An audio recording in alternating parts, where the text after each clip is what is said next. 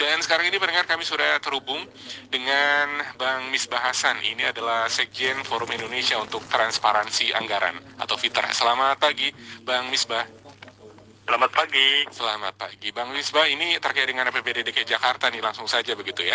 Um, ya. 83,7 triliun rupiah dan ini fokusnya adalah uh, untuk banjir, macet dan resesi. Apa yang yang um, apa ditangkap di, uh, oleh Bang Wisba?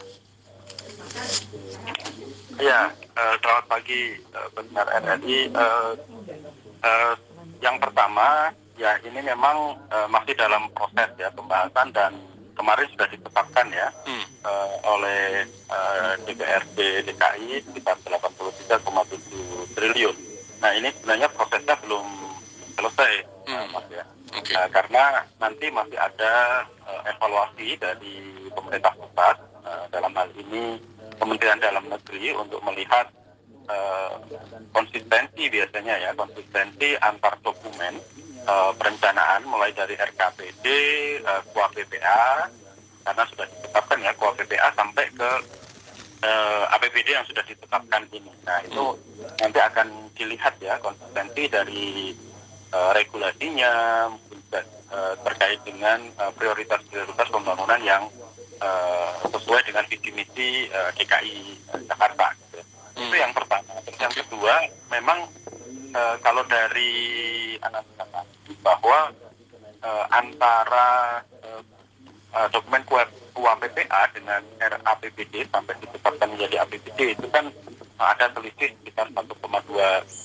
triliun ya. Hmm. Dan ini uh, indikasi kenaikan ini karena ada estimasi uh, perhitungan uh, apa silpa ya bisa lebih anggaran tahun ini itu diperkirakan juga sekitar 1,2 triliun tersebut. Makanya kemudian ada penambahan-penambahan program yang kemudian masuk di belakangan ya, hmm. uh, tidak dibahas melalui proses-proses uh, sebelumnya. Nah ini yang uh, menurut menurut kami uh, mesti hati-hati ya, meskipun tadi disampaikan ada tiga prioritas utama yang sudah disebutkan uh, terkait uh, apa ya banjir, kemacetan, ya, banjir, kemacetan dan uh, antisipasi dampak resesi.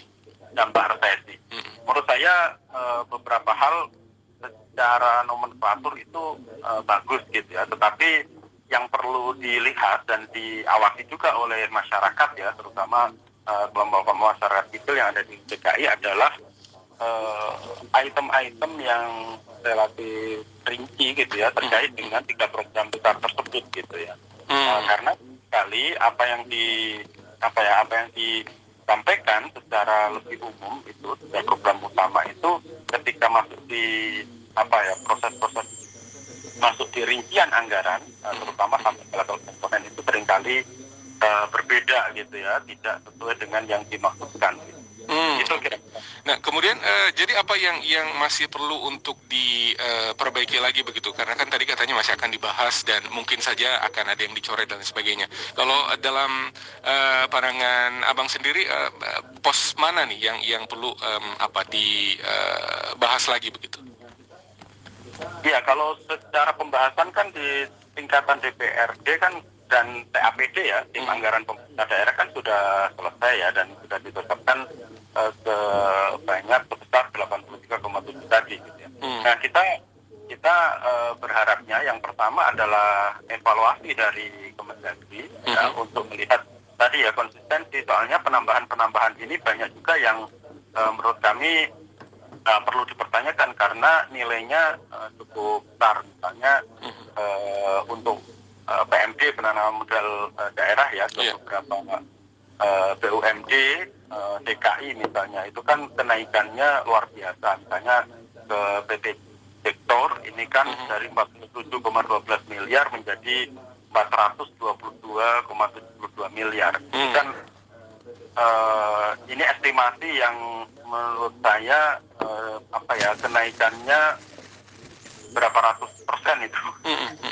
okay. hampir 500 persen itu. Nah yeah. itu terus uh, misalnya lagi uh, eh, PT Sekro misalnya mendapat kucuran yang awalnya usulannya uh, mereka itu kebutuhannya cuma 577 miliar di kuah PPA. Mm -hmm. Nah kemudian uh, kemarin naik menjadi 1,29 uh, triliun. Oh, Oke. Okay. Nah ini uh, apa ya kenaikan-kenaikan rasionalisasi ini yang uh, penting untuk disampaikan kepada masyarakat sehingga uh, APBD ini tidak tidak apa ya tidak mubazir gitu ya tidak uh, uh, dan nantinya itu bisa dikontrol oleh masyarakat gitu ya karena ya kita tahu kan uh, penamaan modal daerah ini uh, ke BUMD ataupun nanti uh, berupa hibah gitu ya yang kemarin juga muncul ya bagaimana uh, PSO Transjakarta kemudian justru turun uh, diganti dengan beberapa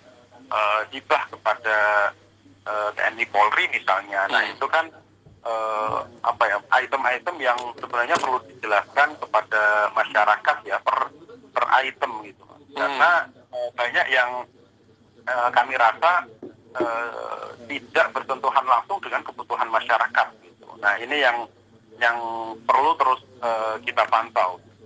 Hmm, Oke. Okay. Nah kemudian untuk BUMD yang kemudian mendapatkan apa istilahnya kayak semacam kucuran dana kayak tadi ya Jakpro itu uh, usulannya adalah 577 m, uh, kemudian naik menjadi 1,29 triliun. Kemudian MRT dari usulannya adalah 4,56 triliun, ini naik menjadi 5,06 triliun rupiah. Ini harus bersyukur atau uh, gimana nanti untuk uh, realisasinya di tahun 2023?